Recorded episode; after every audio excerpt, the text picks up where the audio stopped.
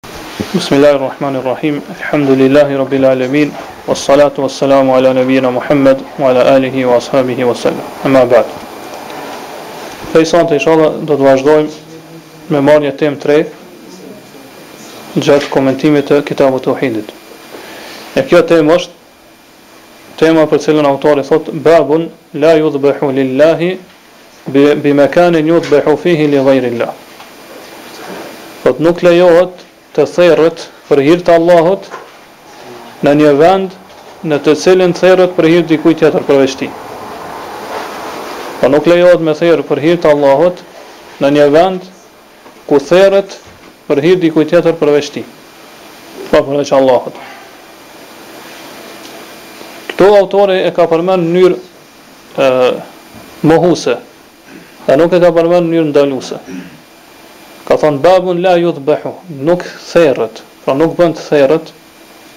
Dhe jo nuk ka thonë mos therr ose nuk lejohet të therrët. E kjo është prej metodave të njohura gjuhës arabe që nganjëherë prej formës apo metodës që përdoret Për me ndalu diçka direkt, kalohet në, në formën mohuse. Për arsye se në këtë formë i përfshin dyjat. Pra e përfshin edhe ndalimin edhe mohimin.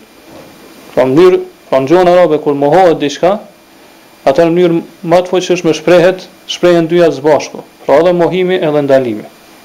Prandaj, sikur këtu autori po do me na tregu neve që kjo gjë nuk bën t'ndodhë qysh në origjinë hiç nuk do të ndodhë që diçka që një kafshë therret për hir të Allahut në një vend ku therret për hir t'dikujt tjetër përveç tij. Për këtë arsye, do thotë ka ardhur në formën mohore. Edhe pse disa dietarë kanë thonë që mundet që kjo fjali m'u lexu edhe në formën e ndaluse, pra me thonë babun la yadhbah,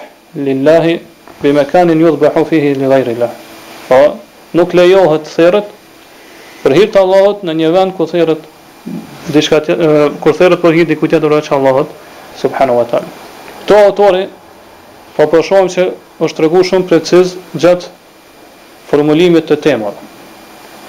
Kjo ishte e para, e dyta është se po thotë lillahi. Pra edhe pse ti e therr këtë kafshë për hir të Allahut, prapë ajo nuk lejohet të therret në një vend ku ai vend është i caktuar m'u therr delet apo kafshët apo kurbanet për hir t'dikujt tjetër përveç Allahut subhanahu wa taala.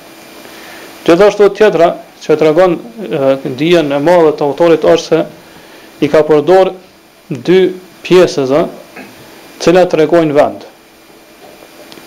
E ka thonë së pari babun la yudhbahu lillahi bi mekanin. Kjo bija këtu tregon vend. Nuk lejohet t'therret për hir të Allahut në një vend. Fi yudhbahu fihi, në të cilin prap ka përdor Këtë pjesëzën tjetër fi, në të cilin therret për hir t'dikujt tjetër përveç Allahut subhanahu wa taala. Po qëllimi i kësajna është me tregu edhe me sqaru, pra kjo na jep një kuptim shtesë, e që është se nuk lejohet mu therr në një vend ku therret për hir të Allahut, për për dikujt tjetër përveç Allahut subhanahu wa taala, po gjithashtu nuk lejohet mu therr edhe pranë apo në afërsi të atij vendit. Pra kjo fija që u përdor këtu në një vend tregon pra është tregon rrethanorin e vendit, nuk lejohet mu pre, mu therr kurban, apo dele apo kafsh në një vend ku therret për hir dikujt tjetër përveç Allahut subhanahu wa taala. Kurse kjo beja që u përmend këtu bi mekanin tregon afërsi. Pra nuk lejohet, përveç që nuk lejohet mu therr në atë vend ku therret për hir dikujt tjetër përveç Allahut subhanahu wa taala, njëkohësisht nuk lejohet mu therr edhe pranë apo në afërsi të atij vendi. Nuk lejohet mu therr Po, kurban, edhe pse të bëhet për hir t'Allahut, pasi që në atë vend therret për hir dikujt tjetër përveç Allahut, subhanahu wa taala. Edhe kjo është, do thot, qëllimi i kësaj teme. Po këto dy, qëllim, këto dy qëllime apo synime i ka pas autori kur e ka vendos këtë temë. Ajo është që nuk lejohet mu therr për hir t'Allahut, afër një vendi ku therret për hir dikujt tjetër përveç tina. Si dhe nuk lejohet mu therr në të njëjtin vend, Kurbani apo do thot kafsha në të cilën therret për hir dikujt tjetër veç Allahut subhanahu wa taala. Për arsye se nëse veprojnë kështu muslimanët atëherë ata bëhen bashkëpjesëmarrës së bashku me ata të cilët i bëjnë shirk Allahut subhanahu wa taala me këtë adhurim, pra me therjen e kurbanit. Pra pamja e kësaj mesele është forma e sajna është për shembull ekziston një vend ku therret për hir dikujt tjetër përveç Allahut subhanahu wa taala, qysh janë për shembull varret apo teqet, tyrbet, ku njerëz shkojnë edhe therrin kurbana, therrin dele, apo ndonjë vend ku madhrohet prej njerëzve, çfarëdo qoftë ai, mirëpo aty, do thotë ato kafshë therren për hir dikujt tjetër përveç Allahut subhanahu wa taala.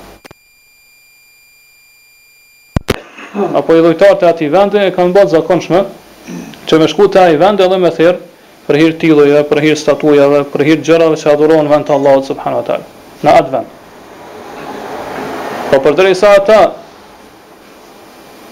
dëshirojnë mu afru te këta të vdekur, pra ata cilët janë të varrosur në atë vend, me therrjen e këtyre kafshve,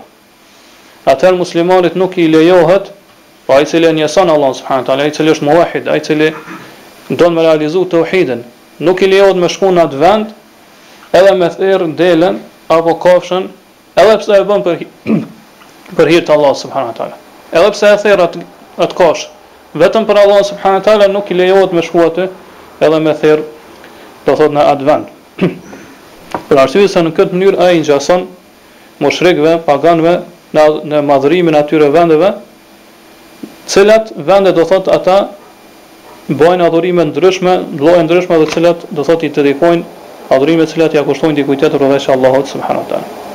Pra autori këtu po tregon se therrja mundet me kanë për hir të Allahut subhanahu wa taala. Pra sinqerisht vetëm për Allahun subhanahu wa taala. Mirëpo përderisa është në një vend ku ata cilët e vizitojnë atë vend e kanë për qëllim mu afru dikujt tjetër për veç Allahut subhanahu teala. Pra me adhuru dikujt tjetër për veç Allahut subhanahu teala atëherë nuk lejohet. Kjo është haram. Edhe është prej mjeteve prej rrugë prej rrugëve që çojnë në shirk. Gjithashtu në këtë mënyrë ti mundesh me joshë edhe me mashtru njerëz që me ardhur edhe me me adhuru atë vend. Prandaj për këtë arsye vendimi për këtë vepër është se ajo është haram, është e ndaluar edhe është mjet prej mjeteve që dërgojnë në shirk, pra me i bë shirk Allahut subhanahu wa taala. Pastaj autori për këtë temë i sjell dy argumente, një prej Kur'anit edhe një prej hadithit të pejgamberit sallallahu alaihi wasallam. Prej Kur'anit e sjell thot ajetin surën Tobe,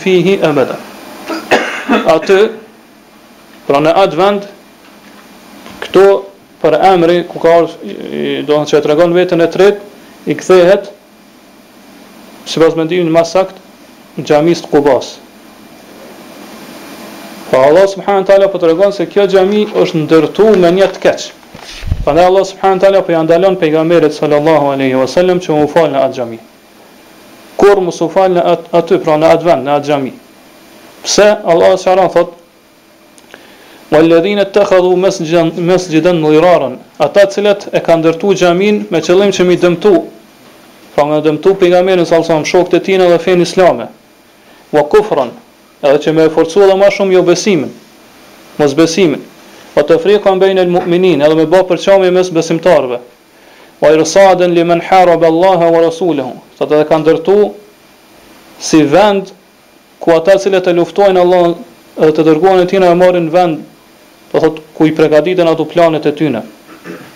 Ata të cilët e kanë ndërtuar këtë xhami kanë qenë munafikët. E Allahu po sqaron se qëllimi i tyre ka qenë e para me dëmtu, thotë, Allahun, me dëmtu Pejgamberin, sallallahu alejhi ve sellem, e qëllimi është me dëmtu Xhaminë e Kubasë.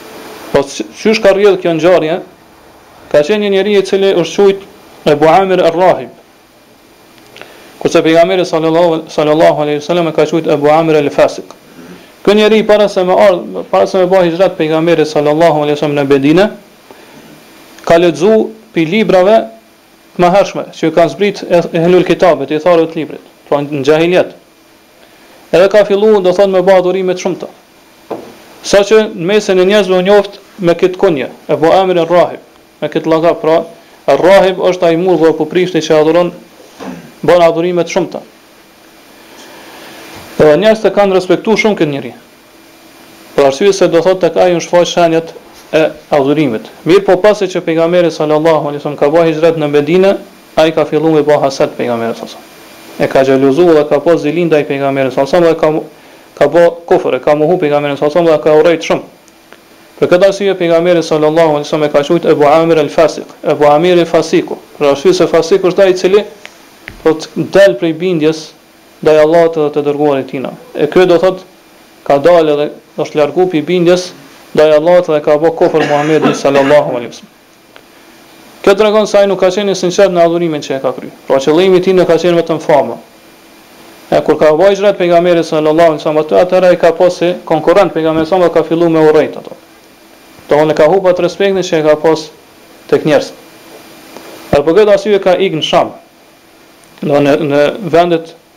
domthon Siria dhe vendet përreth Sirisë së sotshme. Ka ikë në Sham dhe prej atje, do thotë ka mbajt lidhje ende me munafikët e Medinës, edhe kanë shkëmby letra, kanë shkëmby letra, do thotë mes tyre. Prandaj ai ju ka shkruar munafikëve të Medinës edhe u ka thënë që ndërtoni një vend ku do të mbledhemi ne dhe të diskutojmë për, për punë që na interesojnë. Prandaj ata e kanë ndërtuar këtë xhami me me udhëzimet e këtij personi. Mirëpo qëllimi i tyre ka qenë që, do thotë mu bashku aty dhe me me me pru vendime të cilat janë kurtha, do thotë dridhina, dhe me të cilat, do thotë kanë dëshiru me luftu Allahun edhe të Dërguarin e tina edhe shokët e Pejgamberit sallallahu alejhi ue sellem.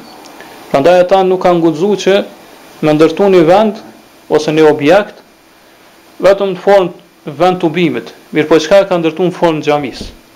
E ka ndërtu në formë xhamisë, mënyrë që njerëz kur të shohin mu mashtru.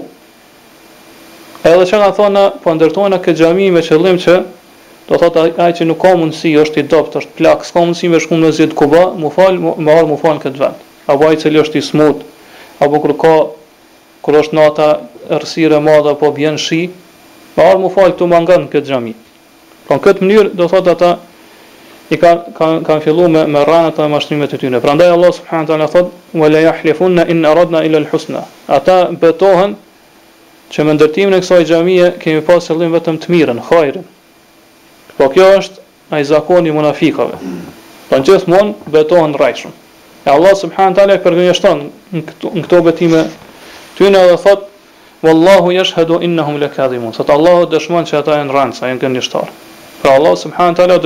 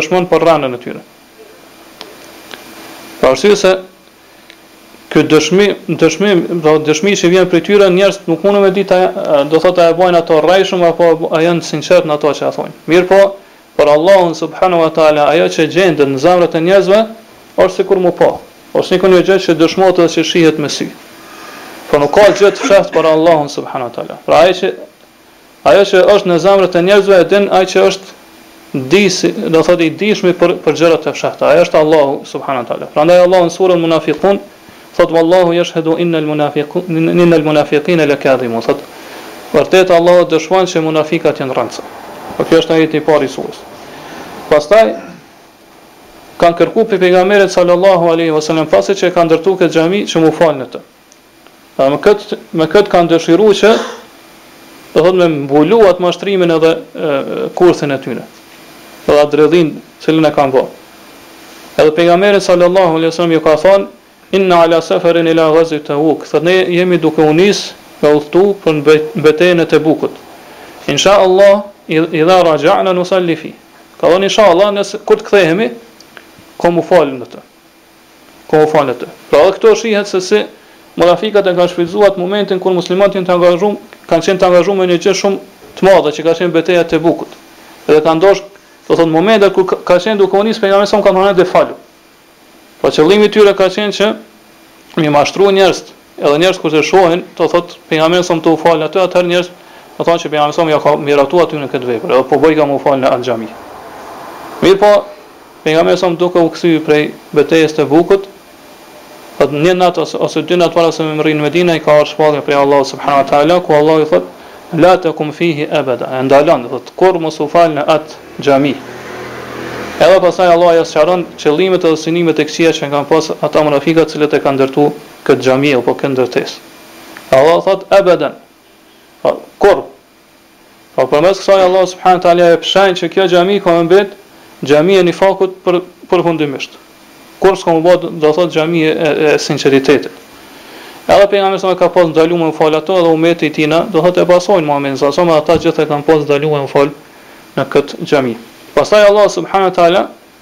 ka nxitë që mu falë në xhaminë e Kubasë, e cila, siç tregon Allahu, është ndërtu mbi themelet e devotshmërisë, e që është bindja ndaj Allahut edhe të Dërguarit tina.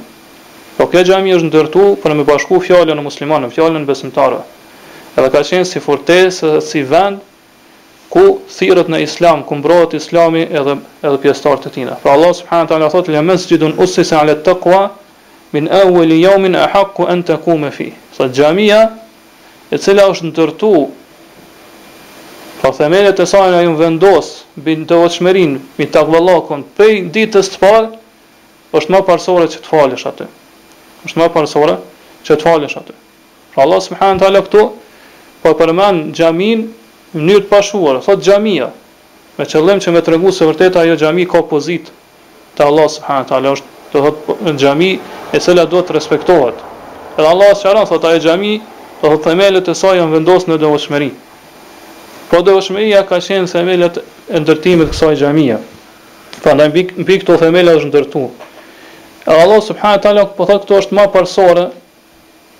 Ma primare që ti të falesh ti aty. Mirëpo kjo, arabisht i quhet ismu tafdil, kjo e, superlativi që u, për, u përdor në këtë, në këtë vend, nuk, për, nuk është përdor ashtu qysh përdoret zakonisht në gjuhën arabe. Për arsye se në gjuhën arabe, kur përdoret kjo ismu tafdil, pra që tregon se një gjë, është më e vlefshme se sa një gjë tjetër, kur ato dy gjëra, do thot bashkohen në origjinën e asaj cilësia apo atributi, kjo nga një herë ndodh, do thot në në gjuhën arabe mos për, mos mu përdor në në vendin e saj. Për arsye, e kjo është një prej rasteve. Për arsye se mes mesxhidu dirari nuk e meriton fare, do thot mu fal aty. Nuk e meriton, do thot nuk është aso xhamie që lejohet apo duhet falet në xhami.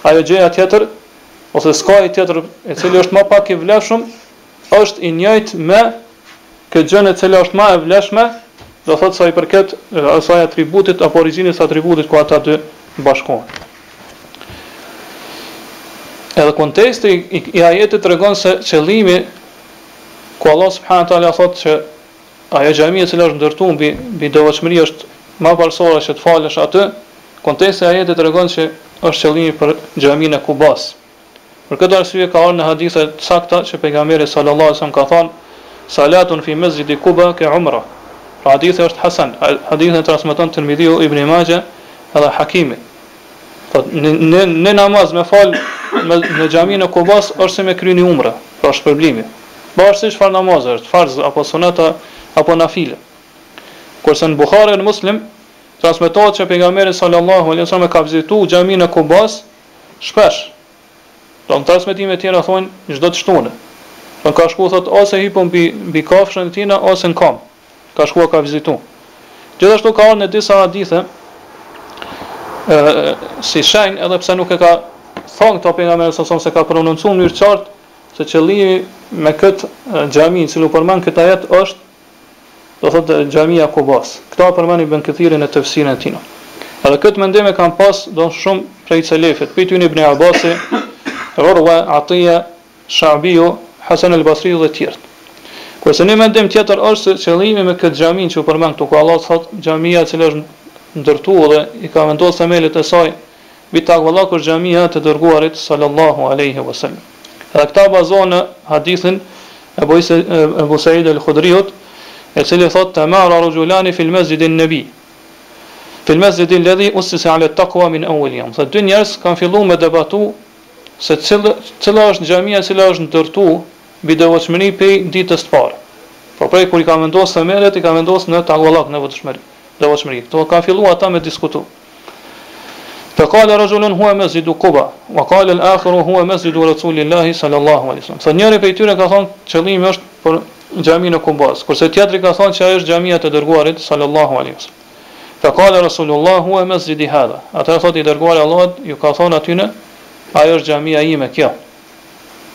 Pra, hadithin e transmeton Muslimi. Edhe këtë mendim e ka pas Omeri, djali i tij Abdullahi, Zeid ibn Thabiti dhe të tjerë.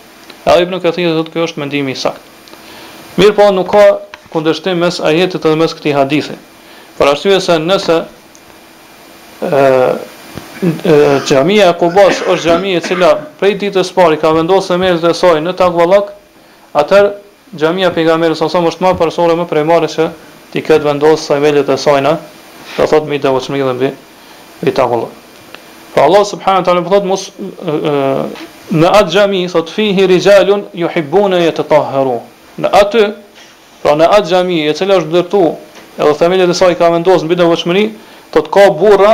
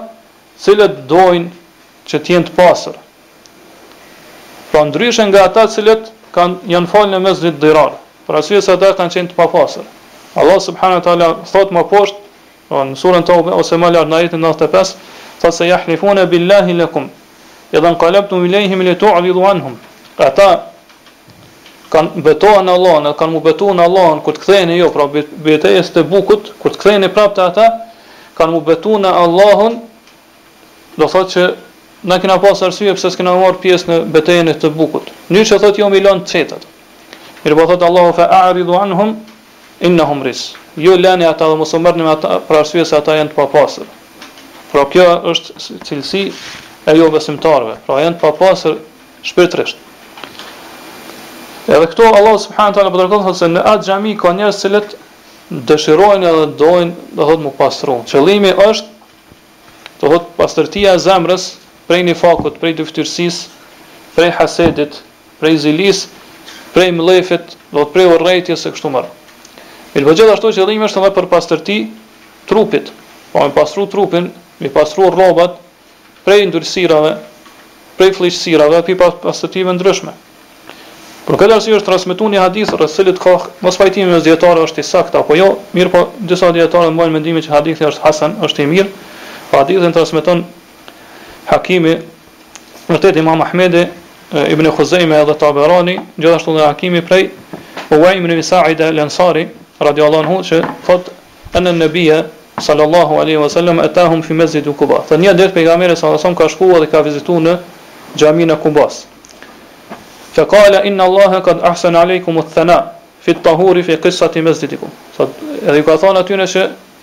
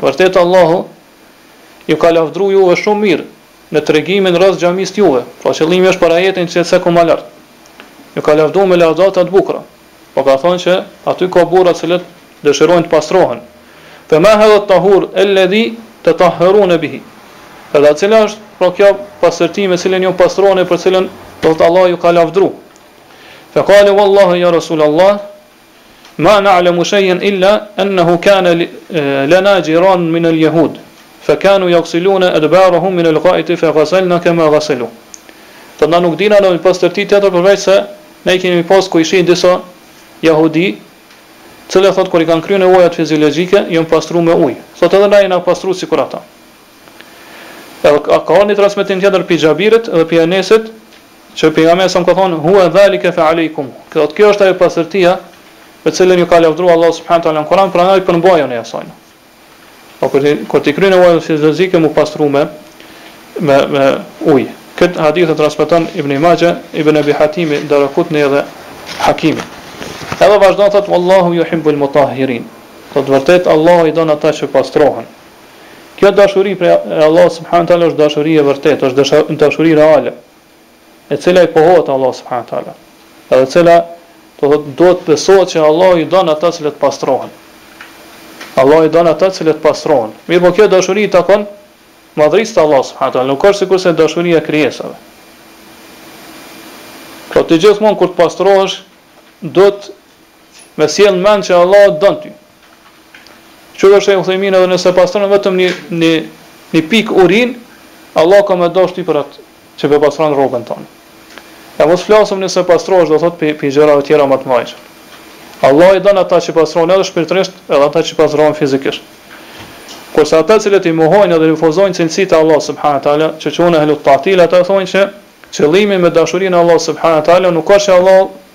I don njerëz në të vërtetë.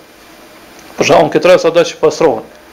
Mirëpo, qëllimi është që Allahu i shpërblen ata, apo Allahu dëshiron m'i shpërbly ata.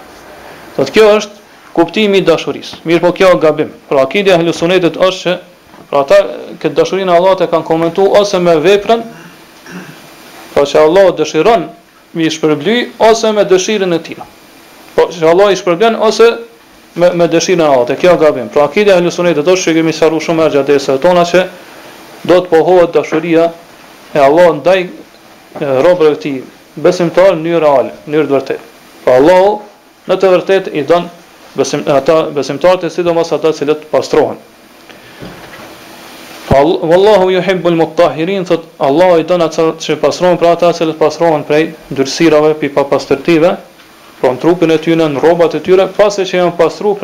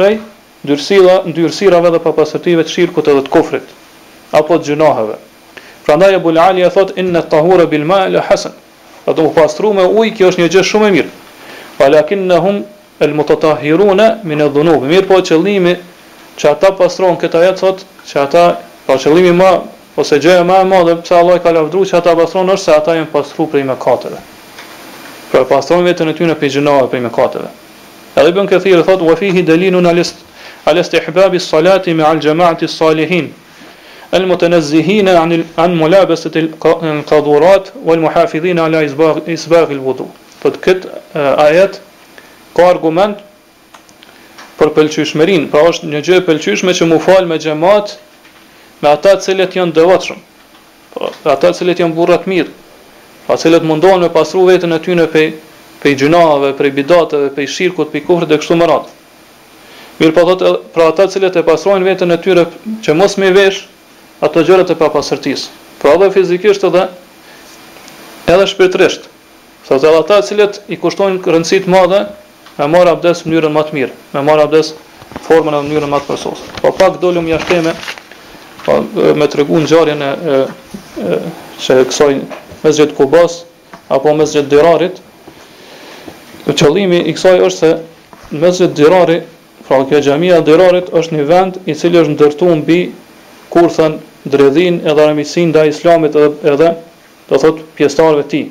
Për këtë arsye, përderisa kjo ka qenë synimi kryesor i ndërtimit të kësaj xhamie, Allahu subhanahu wa taala ia ka ndaluar pejgamberit sallallahu alaihi wasallam dhe shokëve të tij që me marr pjesë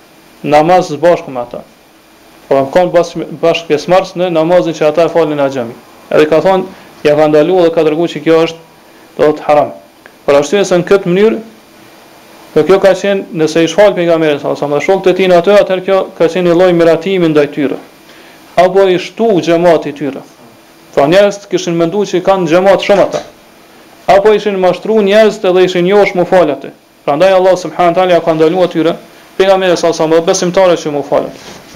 Atëherë si vjen përshtatshmëria e këtij ajeti me temën të cilën e ka sjell autori. Thonë përshtatja është shumë shumë e qartë. Po përderisa Allahu subhanahu wa taala ka ndaluar të dërguarin e tina, m'u fal në mesxhit dirar,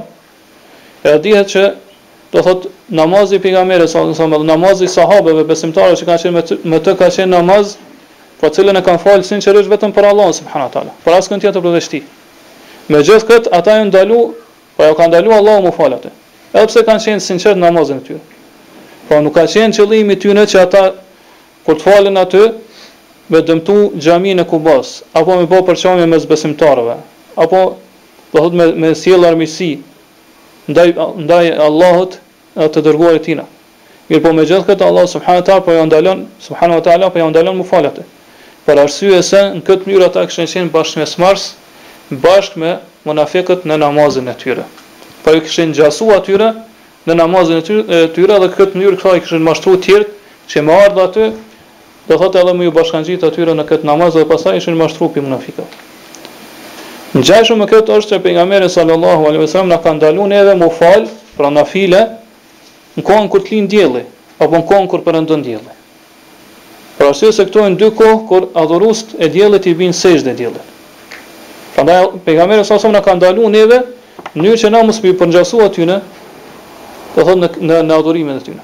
Pra adhuruesit e diellit i bin sexhde diellit në këto dy kohë, kështu që besimtarit nuk i lejohet, do të thotë me ju përngjasu atyne në këtë adhurim. Pra kjo është nëse merret në konsideratë koha, pra që pejgamberi na ka ndalu me ju me ju ngjasu mushrikëve në një kohë ku ata i kryejnë adhurimet e tyre. Kurse hadithin cil, ose ajetin në cilin e ka e ka sjell autori dhe ngjarjen që që ka të bëjë me Mesxhid Dirar është Na ndalohet neve me ju përngjasu apo me marrë pjesë në në një vend ku mushrikët i kryjnë adhurimet e tyre. Ku mushrikët i kryjnë adhurimet e tyre.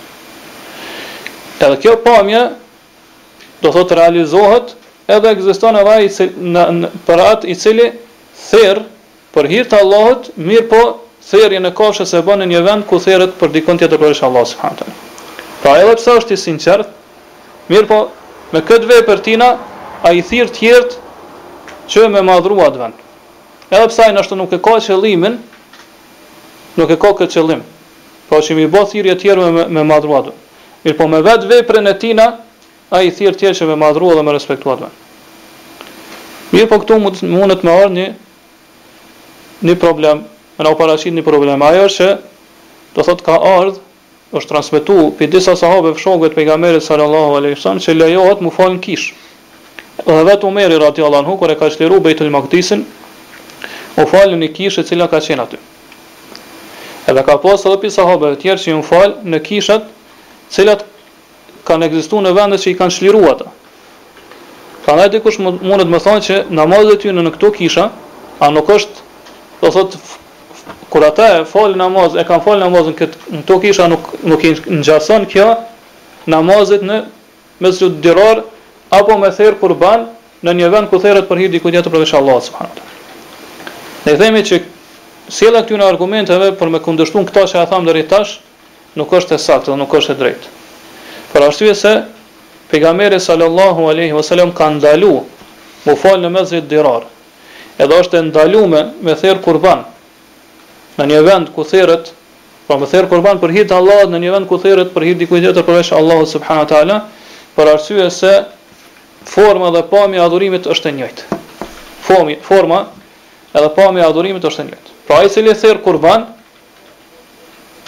Forma e adhurimit tina është e njëjtë me formën e adhurimit që e bën mushriku, pra idhujtari. Ai i cili do thotë e vë e vë në lëvizje thikën e tina për me therr ni, një kafshë, një dele apo një lopë apo një deve e kështu me radhë, do thotë edhe ai cili e derdh gjakun e tina në atë vend, Është e njëjtë sikurse formë e adhurimit që e bën besimtari, edhe pse ky do thotë e bën për hir të Allahut subhanahu wa ta'ala kurse mushriku e bën për për idhullin apo për atë që adhuron në vend të Allahut subhanahu wa ta'ala. Për këtë arsye, përderisa nuk ka dallim mes dy formave, pra nga aspekti i jashtëm, nga pamja forma e jashtme, edhe pse qëllimet, Do thotë, edhe pse qëllimet janë ndryshme, atëherë nuk lejohet me vepru kështu. Njëjtë është edhe namazi i pejgamberit sallallahu alajhi wasallam dhe shokëve të tij që sikur ta kishin falë në Mesxhit Dirar, atëherë për nga pamja e jashtme, forma e jashtme kish qenë shumë e njëjtë me na, ose krejt plotësisht e njëjtë me namazin që e kanë bërë munafikët. Për këtë arsye, do thotë ai kundërshtimi, do thotë I referohet kundërshtimit që në zemër, pra nijetet edhe qëllimet të cilat do thotë janë të fshehta për njerëzit. Për këtë arsye përderisa mundet me, do thotë rezultu n'dëm, për shkak se pamja e jashtme është e njëjtë, pamja e jashtme është e ngjashme, atëherë nuk lejohet ti me bë këtë vepër. Nuk lejohet me bë këtë vepër, për arsye se me veprimin e kësajna nuk ka kurrfarë dobie. Edhe pse ti e ki nijetin e mirë, edhe nijeti jot e kundërshton niyetin e mushrikut, për shkak se, do thotë, prej saj na mundet me pas dame, të cilat i cekëm më herët, do thotë, nuk lejohet që ti me shku me me me me therr kurbanin në atë vend ku therret për një dikë tjetër përveç Allahut subhanahu. Kurse sa i përket namazit në në kishë, atëherë pamja e jashtme është e ndryshme. Pra namazi në të cilin, lutjen ose namazin në të cilin e kryen muslimani, Edhe namazi ose lutja në të cilën e kryjnë krishterët është shumë e ndryshme, do të thotë dallon shumë njëra prej tjetrës. Pra nuk është fare e ngjashme. Kështu që nëse dikush e sheh një musliman duke u falë në kishë, e din që ai nuk është i krishterë. Për arsye se pamja edhe forma e namazit dallon prej asaj të krishterëve, prandaj këtu në këtë formë, në këtë mënyrë po nuk themi që nuk themi që ai përderisa u fal aty me veprën e tij i ka thirr njerëz Apo i ka josh njerz që me ardh aty edhe me respektu kishën apo do thot me me madhru kishën apo do thot ato idhujt apo ato tjera që adhurohen në vend të Allahut subhanu teala në atë vend. Prandaj kjo ësht dallimi mes këtyre dy çështjeve dhe kjo ësht shum e qart do thot edhe me meditimin mat Më të vogël. Ë pastaj do thot prej çështjeve tjera që përfitohen prej kësajna është se nijetet kanë e bojnë efektin e tyre, pra kanë efekt në vende, edhe në ndërtesa. Pra nëse nijeti është i keq, ajo ka me ndiku për të keq edhe në vendin apo ndërtesën, do thot ku kryhet ajo ajo ajo vepër ajo adhurim. Njëjtë edhe do thot edhe nijetet e mira. Nëse nijeti është i mirë, Atëherë nijeti i mirë ka me ndiku për të mirë dhe ka me pas bereqet në atë vend. Pra dhe në atë ndërtesë, nëse u ndërtu ajo për hir të Allahut subhanahu wa taala. Prandaj, përmes kësaj na përfitohet që Allahu subhanahu wa taala na nxit neve që vazhdimisht me përmirësu qëllimet edhe synimet tona. Pra na tregon se ajo që merret në konsideratë është nijeti, jo pamja e jashtme. Jo vepra e jashtme. Po nëse vepra e jashtme nuk është e bazuar në nijet të mirë, atëherë ajo nuk pranohet te Allahu subhanahu wa taala. Pra këta persona munafiqët kanë ndërtuar xhami, po në pamjen e jashtme. E Allahu ka thënë ai i cili ndërton xhami për hir të Allahut ka me ja ndërtu, Allahu ja ndërton një shtëpi në xhenet. Mirëpo qëllimi i tyre nuk ka qenë ndërtimi i xhamisë. Po qëllimi i tyre ka qenë, do thotë që me me shkaktu përçarje Edhe, do të thotë, përmes sajna me ndjell urrejtje dhe armiqësi ndaj Allahut dhe të Dërguarit tina. Prandaj nuk ju ka pranu kjo vepër. Edhe pse në realitet, do të thotë, ajo ka qenë e ndërtume si xhami. Edhe gjithashtu tjetër që përfitohet prej kësajna është se ai i cili e na shfaq neve devotshmërinë, apo që është burrë i mirë, atëherë na e pranojna ato, deri sa të e e dina realitetin e tina. deri sa të njohim realitetin tina. Gjithashtu Allahu subhanahu wa taala përmes sajna don me na tërhek vërejtën që mos mu mashtru prej mashtruzve. Edhe besimtarët gjithmonë duhet të jenë të kujdesshëm prej atyre që janë dyshimtë, pra prej atyre që qëllimi i tyre është me me deviju muslimanët. Edhe nëse ata, do thotë neve na shfaqen si si njerëz të devotshëm, apo vijnë me me projekte të mira, me projekte të hajrit e kështu me radhë, Mirëpo përderisa ka parametra, do thotë përderisa ka vepra të cilat ata i kanë bërë më herët, e për të cilat, do thotë, është vërtetuar rrena, edhe gënjeshtra e atyre, atëherë kjo nuk pranohet atyre. Edhe nuk na lejohet neve, do thotë, me u mashtru, nuk na lejohet neve me u mashtru prej tyre, edhe pse, do thotë, ata na shfaqen me pamje të mirë. Edhe pse ata na shfaqen me pamje të mirë. Gjithashtu duhet të shikohet se çfarë rezulton prej projekteve që i sjellin ata. Edhe nëse kjo është në plan afatgjatë. Kështu që muslimani duhet gjithmonë me pas kujdes në çdo kohë, në çdo vend, me u mbrojt prej devijimit të atyre që janë njerëz të dyshimt. Dhe nuk është që çdo kush i cili na shfaqet neve, do thotë me hajër, si njeri i devotshëm me projekte të mira, që do thotë pashmangshmërisht me kon edhe njeri i mirë edhe i devotshëm edhe në zemrën e tij. Sidomos Do thotë nëse është vërtetu prej tina që ai do thotë ka bo krime apo ka bo gjynah apo ka bo mëkate apo ka qenë njeri i cili do thotë është vërtetu rrena prej tij. E nëse do thotë nuk na nuk dina prej tina asgjë atëherë na e pranojna ashtu qysh na shfaqet ai. Na pranojna qysh na shfaqet ai. Mirëpo nëse na e shohim në fjalët e tina që dalin prej gjuhës tina,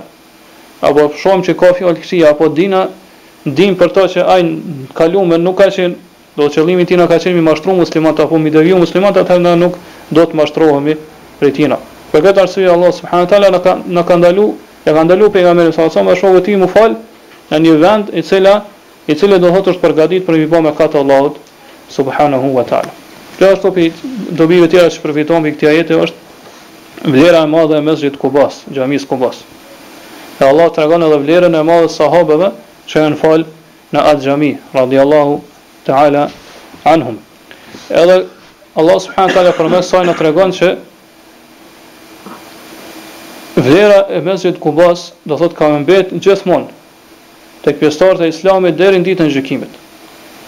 Do gjithmonë ka me qenë xhami, do thotë me vlerë të madhe. Edhe gjithmonë duhet ai i cili e viziton Medinën, do thotë si pasim i sunetit të pejgamberit sallallahu alaihi wasallam duhet me shku dhe m'u fal edhe në Mesxhit Kuba. Do me shku m'u fal dy rekate